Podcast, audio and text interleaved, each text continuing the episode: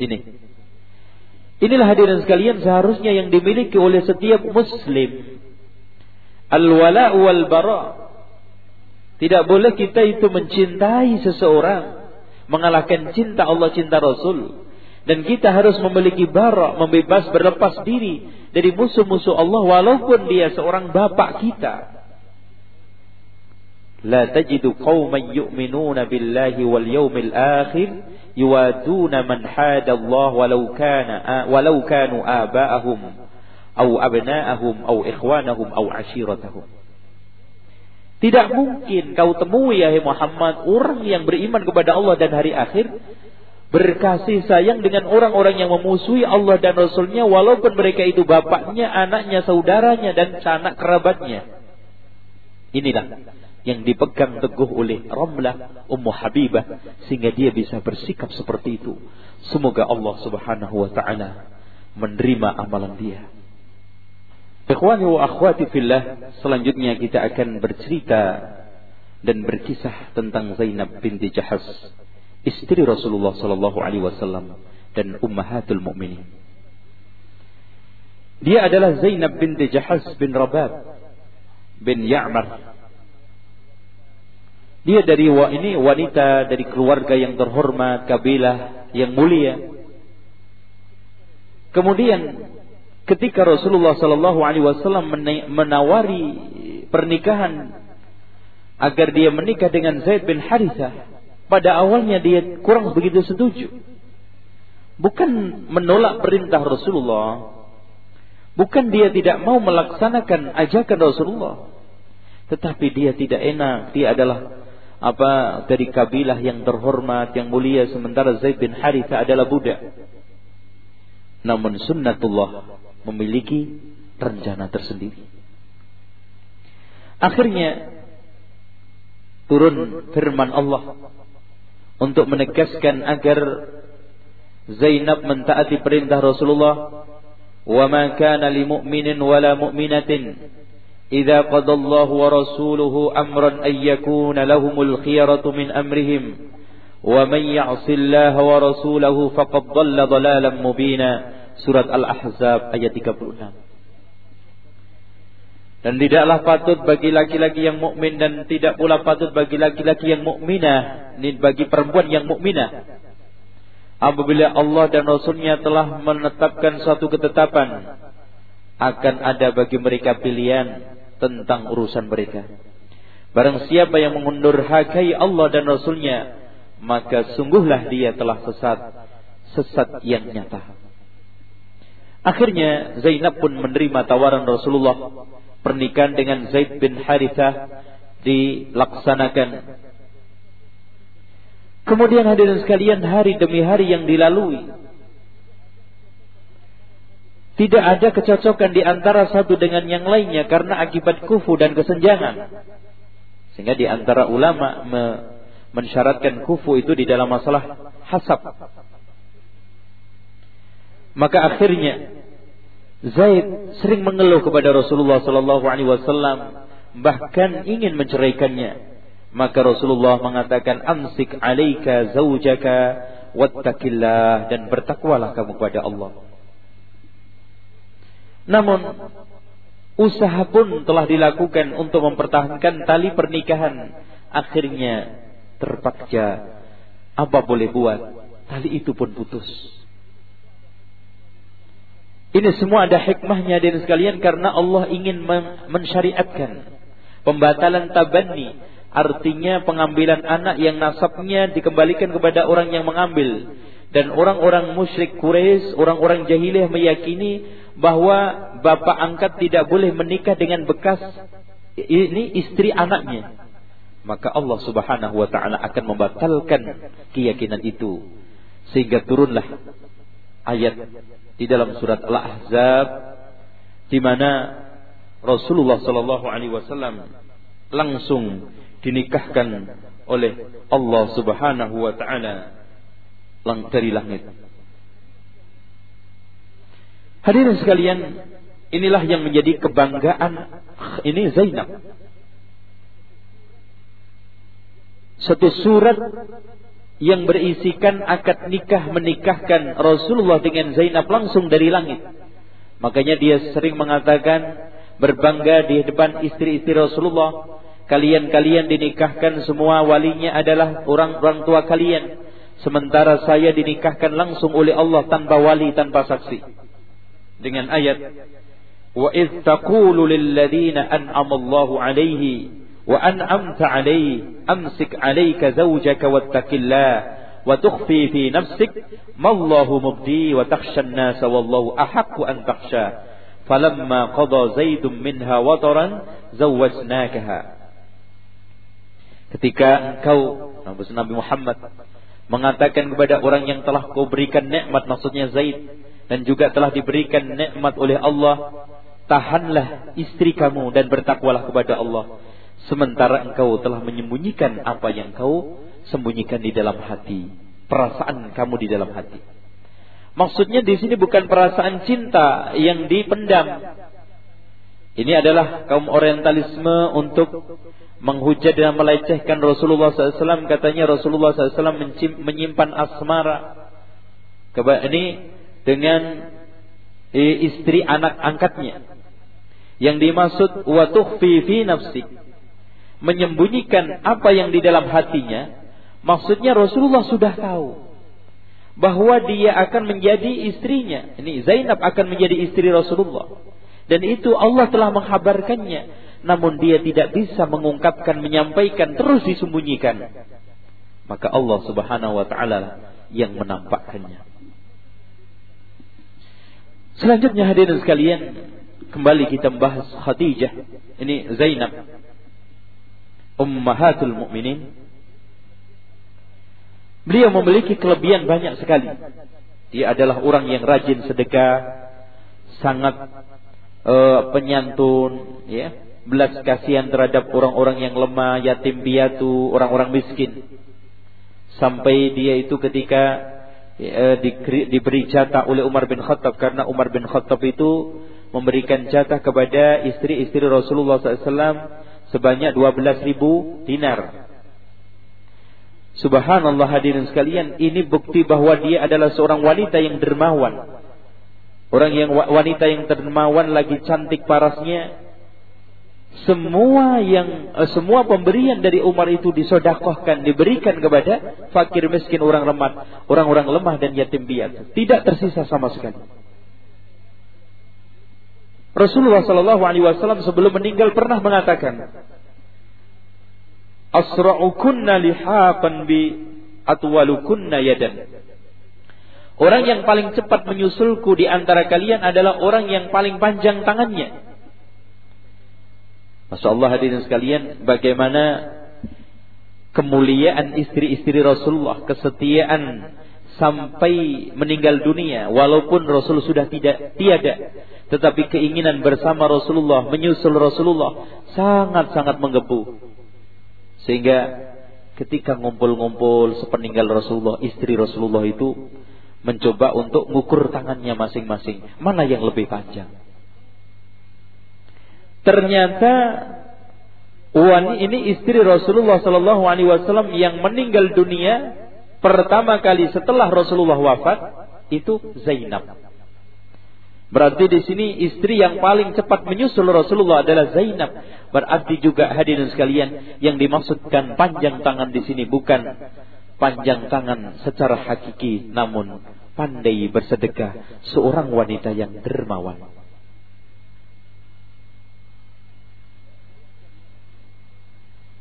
Hadirin sekalian,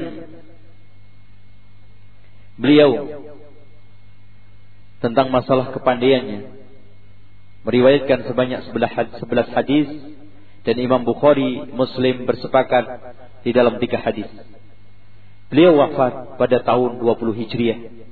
Dikaruniai oleh Allah Subhanahu wa taala umur 35 tahun. Mudah-mudahan kita bisa mencontoh kedermawanan beliau dan kedekatan beliau dengan orang-orang miskin sampai beliau dikatakan dijuluki Ummul Masakin. Hadirin kaum muslimin dan muslimah yang dimuliakan Allah. Selanjutnya kita akan membahas istri Rasulullah sallallahu alaihi wasallam, Safiyah binti Huyai. Safiyah binti Huyai Al-Akhtab adalah anak cucu dari Allawi. Nabiullah Israel bin Ishaq ibn Ibrahim termasuk keturunan Harun.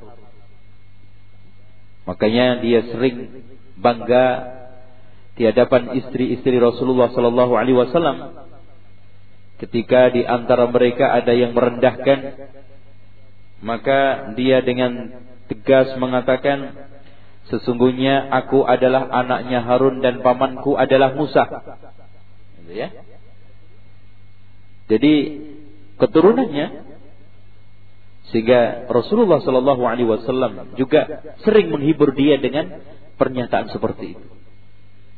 Kalau kamu sekarang direndahkan oleh uh, yang lainnya, katakan kurang apa lagi? Suami saya nabi, bapak saya nabi, paman saya nabi, dan keluarga-keluarga saya banyak yang nabi.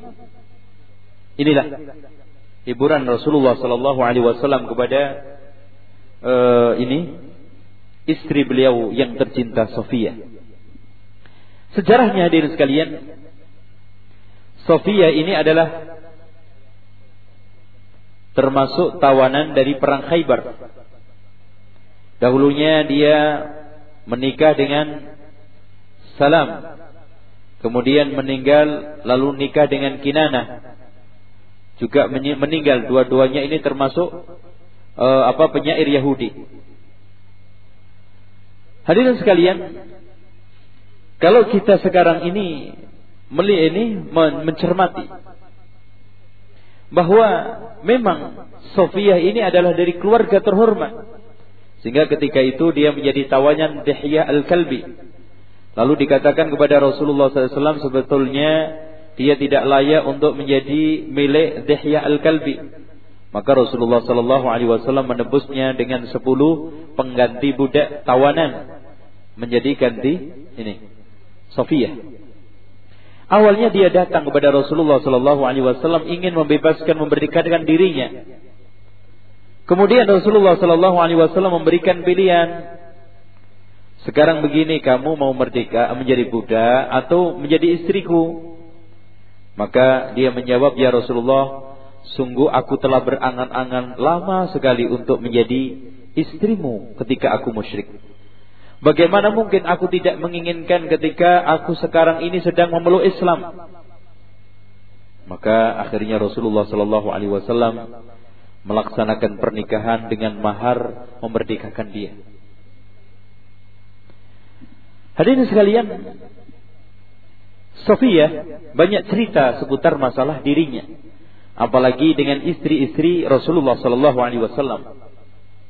Pernah pada suatu saat pada pelaksanaan uh, haji untanya Sofiyah ini tidak bisa ini tidak bisa berdiri lagi. Tidak bisa ditugang.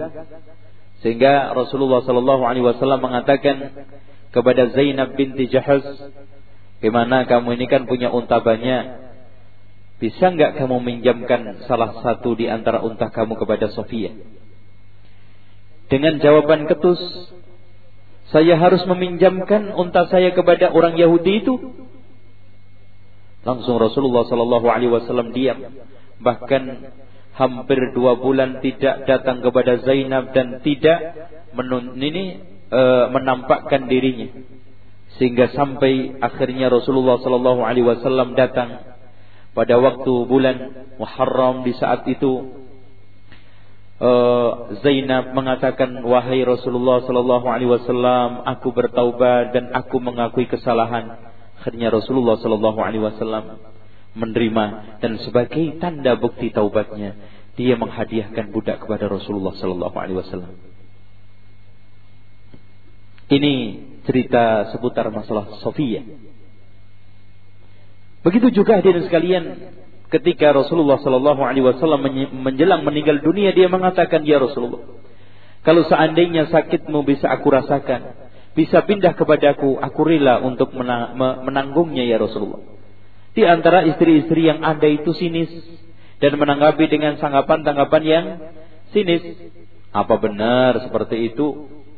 Ya, maka Rasulullah SAW langsung menengahi mereka dengan mengatakan kepada orang yang tadi mandang sinis, istri-istrinya yang mandang sinis, sekarang silahkan kalian berkumur Katanya istri-istri Rasulullah Yang tadi mengejek mengatakan Kenapa ya Rasulullah kita harus kumur? Karena kamu tadi itu mengejek Sofia. Ketahuilah Apa yang diomongkan tadi Apa yang diucapkan dia adalah jujur. Hadirin rahimakumullah. Akhirnya Dia menghabiskan Waktu Di dalam kehidupan ini untuk ibadah, untuk mendekatkan diri kepada Allah, untuk puasa. Bahkan di sini yang dikerjakan oleh dia hanyalah mendekatkan diri kepada Allah. Sampai dia diambil oleh Allah sekitar tahun 50 tahun ini, sekitar 50 tahun Hijriah yang maksudnya pada tahun 50 Hijriah dikubur di Baki ya. Semoga Allah Subhanahu wa taala menerima usahanya menjadikan dia benar-benar figur setiap kaum muslimah, kaum muslimah yang beriman yang menginginkan menjadi wanita yang salihah. Selanjutnya hadirin sekalian kita akan membahas istri Rasulullah yaitu Juwairiyah binti Al-Harith. Dia adalah Juwairiyah binti Haris binti Abi Dirar bin Al-Habib Al-Khuzaiyah Al-Mustalikiyah. Dia adalah seorang wanita yang cantik, bangsawan, terpandang dan termasuk tawanan Bani Mustalik ketika perang Bani Mustalik. Yaitu uh, ini Al-Muraisi. Ketika itu dia berumur 20 tahun menjadi tawanan di bawah Sabit bin Qais. Dia datang kepada Rasulullah sallallahu alaihi wasallam mengeluhkan nasibnya Bahkan bapaknya mengatakan ya ini datang kepada Rasulullah, wahai Muhammad, sesungguhnya anakku tidak layak untuk menjadi tawanan. Akhirnya usaha demi usaha Rasulullah SAW memberikan tawaran. Bagaimana kalau sekarang kamu saya bebaskan perbudakanmu, kemudian kamu akan aku nikahi. Setelahnya itu Bapaknya mendatangi diriwayatkan di dalam kitab Syiar A'lamin Nubala mendatanginya. Kamu sekarang dikasih pilihan oleh Muhammad. Jangan sampai kau mengecewakan bapakmu. Kemudian dia menjatuhkan pilihan. Rela untuk menjadi istri Rasulullah SAW. Maka bapaknya kusar sekali. Kamu telah menjatuhkan pilihan yang menghinakan bapakmu. Artinya tidak setuju. Hadirin sekalian, Juwairiyah ini memiliki kelebihan banyak sekali sebagaimana yang telah dikatakan oleh Aisyah. Juwairiyah adalah seorang wanita yang manis dan cantik, tiada seorang pun yang melihatnya melainkan akan jatuh hati kepadanya. Tatkala Juwairiyah meminta kepada Rasulullah untuk membebaskan dirinya, sedangkan demi Allah, aku telah melihatnya melalui pintu kamarku, maka aku merasa cemburu karena saya menduga bahwa Rasulullah akan melihat sebagaimana yang aku lihat. Memang hadirin sekalian, dia adalah wanita yang cantik, berparas menarik, tidak ada seorang pun yang melihatnya pasti akan jatuh hati. Maka Rasulullah Shallallahu Alaihi Wasallam meresmikan menjadi istrinya di dunia dan di akhir. Dia menjadi ummahatul mukminin. Adapun sekarang dia wafat pada tahun 50 Hijriah dan dikaruniai Allah Subhanahu wa taala umur 56 ya umur 56 Selanjutnya kita akan membahas istri Rasulullah sallallahu alaihi wasallam yang terakhir yaitu Maimunah binti Al-Harith. Tuh. Bagi yang mengatakan 12 ini bukan terakhir, masih ada dua lagi. Hadirin sekalian, istri Rasulullah sallallahu alaihi wasallam Maimunah binti Al-Harith bin Huzn bin Al-Hazam bin Ruwaibah bin Abdullah bin Hilal bin Amir Al-Hilaliyah. Dia adalah seorang wanita yang terpandang. Dahulunya menikah dengan Mas'ud bin Amr bin As-Saqabi. Ya, sebelum masuk Islam. Akhirnya terjadilah ya di situ apa namanya perpisahan. Maka Abbas ini Abdullah ibnu Abbas ini menawarkan kepada Rasulullah Sallallahu Alaihi Wasallam untuk menikahinya. Hadirin sekalian, di sini ada cerita yang unik dari Maimunah. Dia sebetulnya sudah lama masuk Islam tetapi termasuk orang-orang yang lemah yang menyembunyikan keimanannya tidak mau menampakkan, tidak bisa menampakkan karena tertekan. Karena mendapatkan tekanan yang dahsyat dari kaum kufar Quraisy. Namun dia setiap hari berpikir ingin dia itu berislam dengan penuh izzah, dengan penuh kesempurnaan. Akhirnya hadirin sekalian, dia menampakkan keislamannya. Lalu hadirin sekalian, Rasulullah Shallallahu Alaihi Wasallam ketika ditawari untuk menikahinya karena dia di dalam posisi yang harus diselamatkan, maka Rasul menerimanya dan menikah. Kabar itu didengar oleh Maimunah dengan penuh ini kegembiraan, kesenangan. Dan Rasulullah SAW menikah dengannya dengan mahar 400 dirham. Dikisahkan di dalam satu riwayat, Maimunah inilah termasuk orang yang menghibahkan dirinya kepada Rasulullah SAW. Saking binginnya dia mendapatkan naungan nubuah, hidup bersama Rasulullah SAW, berumah tangga di bawah rumah yang penuh dengan ilmu, hikmah.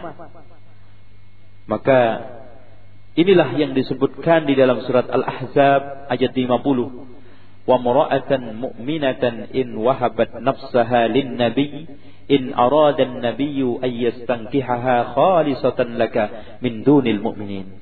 Dan perempuan mukmin yang menyerahkan diri kepada Nabi ingin ini ingin dikawininya. Kalau Rasulullah SAW mau sebagai pengkhususan bagimu yakni bagi Rasulullah bukan untuk semua orang mukmin. Artinya hal ini hanya khusus pada Rasulullah Sallallahu Alaihi Wasallam.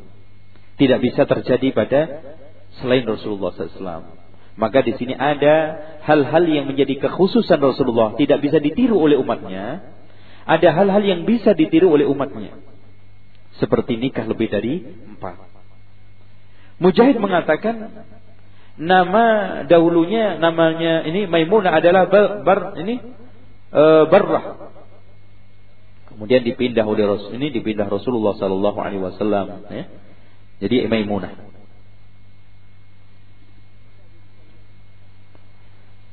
Maka hadirin sekalian, kita lihat kesetiaan dan kecintaan beliau kepada Rasulullah sallallahu alaihi wasallam. Ketika dia menjelang meninggal dunia berwasiat hendaknya dikubur di tempat walimatul ars. Dulu pernah wani tempat di mana dia melakukan walimah dengan Rasulullah sallallahu alaihi wasallam. Maka Atta meriwayatkan setelah beliau wafat, saya keluar bersama Ibnu Abbas. Beliau berkata, apabila kalian mengangkat jenazahnya, maka janganlah kalian mengguncang-guncangkan atau menggoyang-goyangkan. Beliau juga berkata, lemah lembutlah kalian dalam memperlakukan karena dia adalah ibumu, maksudnya ummahatul mukminin.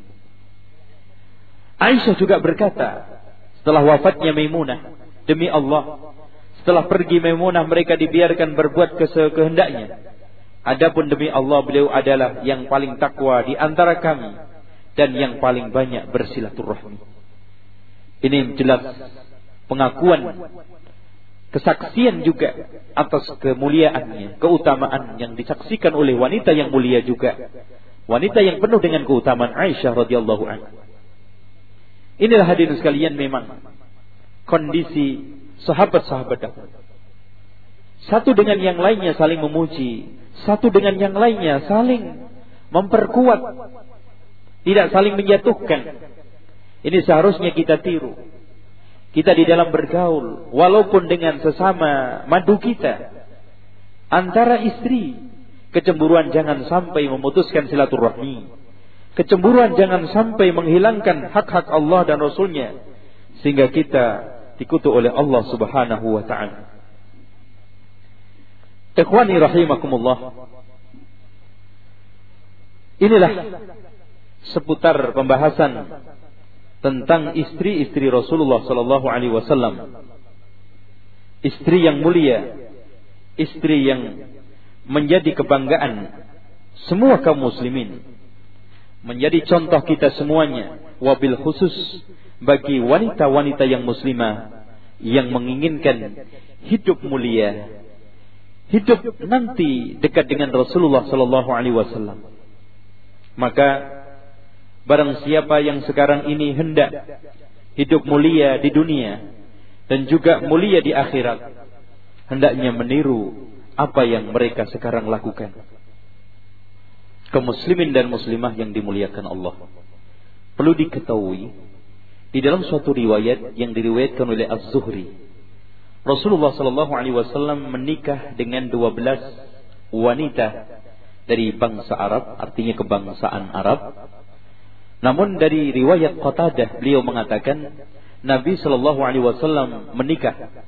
Tiga ini lima belas wanita, tujuh dari kalangan Quraisy, satu dari kalangan sekutu-sekutu Quraisy dan tujuh dari perempuan-perempuan Arab non Quraisy dan satu dari Bani Israel.